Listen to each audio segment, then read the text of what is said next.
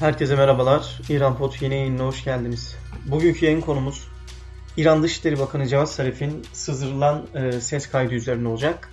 İran Dışişleri Bakanı Cevat Zarif, İranlı ekonomist e, Said Lilaz'la yaptığı bir e, söyleşi var. Bu söyleşinin amacı hükümetin sözlü tarih konulu bir projesi vardı. E, Ruhani hükümeti bu hükümette görev almış bakanlar ve üst düzey görevlilere e, söyleşi yaptırıyordu ve bu ses kayıtlarını arşivliyordu. İleride ihtiyaç duyulduğu takdirde yayınlamak üzere ve bir sonraki hükümetlerde tecrübe paylaşımı olsun diye böyle bir proje vardı ve Cevat Zarif de e, Mart ayında ekonomist Said Bilaz'a bir söyleşi vermişti ve söyleşinin e, yaklaşık 7 saat uzunluğunda olduğu iddia edilmekte. Fakat 26 Nisan tarihinde Londra merkezli bir Farsça kanal var. İran International diye.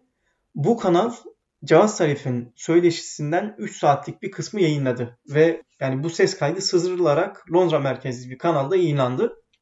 Tabi bu e, ses kaydı hem muhtevası hem e, zamanlama itibariyle son dönemde tartışılan bir konu haline geldi. Söyleşide Cevaz Zarif'e ait ifadeler içerisinde en çok tartışılanlardan e, birisi Zarif'in İran Devrim Muhafızları Ordusu'nun dış operasyonlar birimi Kudüs gücünün ve Kasım Süleyman'ın İran dış politikasına fazlasıyla müdahale ettiğine dair eleştirileriydi. Zarif söz konusu röportajda diplomasinin savaş meydanına feda edildiğini, ülkede dış politikayı ilgilendiren karar alma süreçlerinde, karar alma mekanizmasında e, Kudüs gücünün e, Dışişleri Bakanlığı'ndan daha fazla yetkiye sahip olduğunu, Kudüs gücünün Kasım Süleyman'ın dış politikaya fazlasıyla müdahale ettiğini söyleyip bundan şikayetçi oluyor. Ve bu şikayetini çeşitli e, örneklerle açıklıyor. Mesela geçtiğimiz yıl Kasım Süleymani suikastinden sonra Devrim Muhafızlar Ordusu Irak'taki ABD üslerine yönelik bir saldırı gerçekleştirmişti. Zarif bu intikam saldırılarında İran Dışişleri Bakanı olarak kendisinden önce ABD'li makamların bilgilendirildiğini söylüyor ve bundan yakınıyor. Yine bu intikam saldırısında Ukrayna'ya ait yolcu uçağı düşürülmüştü ve uçak düşürüldükten kısa bir süre sonra dünya kamuoyu bu konuya odaklanmış e, ve bu uçağın füzeyle düşürüldüğü konuşulmuştu. Bu dönemde Milli Güvenlik Konseyi'ne katılıyor Cevat Zarif ve dünyanın uçağı füzenin düşürdüğünü söylediğini yani böyle bir algı olduğunu eğer bu doğruysa harekete geçmeleri gerektiğini yani bunu açıklamaları gerektiğini söylüyor toplantıda. Toplantıda yer alan diğer isimler Cevat Sarif'e işte sen git tweet at, bu konuyu tekzip et, başka bir şeye karışma nevinden tepki gösterdiğini söylüyor. Yine aslında bu Cevat Sarif'in Kudüs gücünün İran dış politikasına fazlasıyla etki ettiğine dair şikayeti yeni bir şikayet değil. 2019 yılında Suriye rejimi lideri Esed Tahran'a sürpriz bir ziyaret gerçekleştirmişti ve bu 2011'deki halk ayaklanmasından sonra Suriye rejim liderinin Tahran'a yapmış olduğu ilk ziyaretti. Bu ziyaretten hemen sonra İran Dışişleri Bakanı Cihat Sarif Instagram hesabından yapmış olduğu paylaşımda istifa ettiğini duyurmuştu ve e, yaptığı açıklamada bugün yapılan görüşmelerdeki fotoğraflardan sonra Cevat Sarif'in Dışişleri Bakanı olarak artık dünyada itibarı yoktur ifadelerini kullanmıştı. Görüşmedeki fotoğraflarda Cevat Sarif yer almıyor ve Cevat Sarif'in konumunda oturacağı yerde Kasım Süleyman'ın olduğu gözüküyor. Yani Cevat Zarif Kudüs gücünün İran hariciyesine Dışişleri Bakanlığı'ndan daha fazla etki ettiğini söyleyip bundan şikayet etmişti. Yine daha önceki yıllarda 2017 yılında vefat eden İran'ın eski cumhurbaşkanlarından Haşimi Rafsanjani'nin yapmış olduğu bir açıklama var. Ee, Haşimi Rafsanjani Kudüs gücünün İran'ın dış politikasında yani Orta Doğu özelindeki dış politikasında belirleyici güç olduğunu söylüyor. Ee, Dışişleri Bakanlığı'nın en hassas bölgelerde sorumluluğunu kaybettiğini ifade ediyor.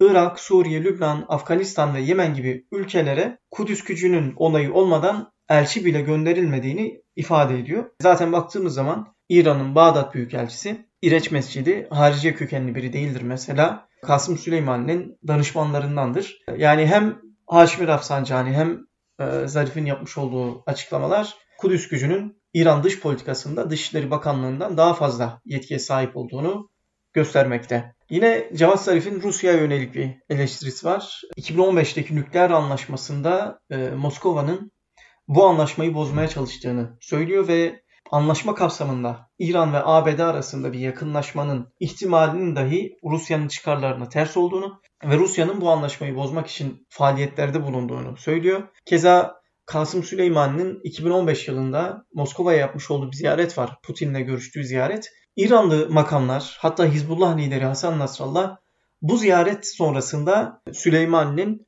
Putin'i Suriye müdahale için ikna ettiğini e, açıklamışlardı. Fakat Zarif konunun böyle olmadığını söylüyor bu ses kaydında. Zaten Putin'in daha önce ikna olduğunu, e, Suriye'ye müdahale etmek için ikna olduğunu, bu ziyaretin Putin tarafından Süleyman'ın davet edildiğini bu ziyarette ve nükleer anlaşmanın imzalandığı hafta bu ziyaretin gerçekleştiğini ve amacın nükleer anlaşmayı e, sabote etmek olduğunu söylemekte. Tabi bu ses kaydı sızdırıldıktan sonra İran Dışişleri Bakanlığı'na yönelik epey bir eleştiri geldi. Muhafazakarlara yakın gazeteler doğrudan Cevat Zarif'e hedef aldı. Zarif'in sözlerinin, söylemlerinin Kasım Süleymani'ye yönelik, yönelik e, siyasi bir suikast olduğu söylenildi. Ve mesela Vatan Emruz isimli radikal muhafazakar gazetelerden e, birisidir bu. Manşetten Zarif'in görseliyle birlikte e, hakir başlığını kullanmıştı. Yine e, ses kaydının sızdırılmasından sonra bu ses kaydını muhafaza etmekten sorumlu olan Cumhurbaşkanlığı Stratejik Araştırmalar Merkezi Başkanı e, Husamettin Aşina istifa etti ve röportajla bağlantılı yaklaşık 20 e, kişinin de ülkenin dışına çıkışı yasaklandı. Tabii e, ses kaydı sızdırıldıktan sonra neyin amaçlandığı da tartışılıyor. Kimisi Viyana'da sürdürülen yeni nükleer müzakerelerin e, hedef alındığını, sabote edildiğini söylüyor. E, kimisi yaklaşan seçimler öncesi reformistlere darbe vurulması istendiğini söylüyor. Yine başka iddialara göre Cevaz Sarif Dışişleri Bakanlığı görevinden sonra yargılanabilir bu ifadelerinden sonra. Yine İran Cumhurbaşkanı Ruhani bu sızdırılan ses kaydıyla alakalı Viyana'daki görüşmelerin sabote edildiğini söyledi. Son olarak Cevaz Sarif bugün bir açıklama yayınladı ve ses kaydındaki ifadelerinden ötürü İran halkından, Süleyman'ın yakınlarından, sevenlerinden özür dilediğini, af dilediğini açıkladı. Ee, tabii Haziran ayında İran'da Cumhurbaşkanlığı seçimleri var.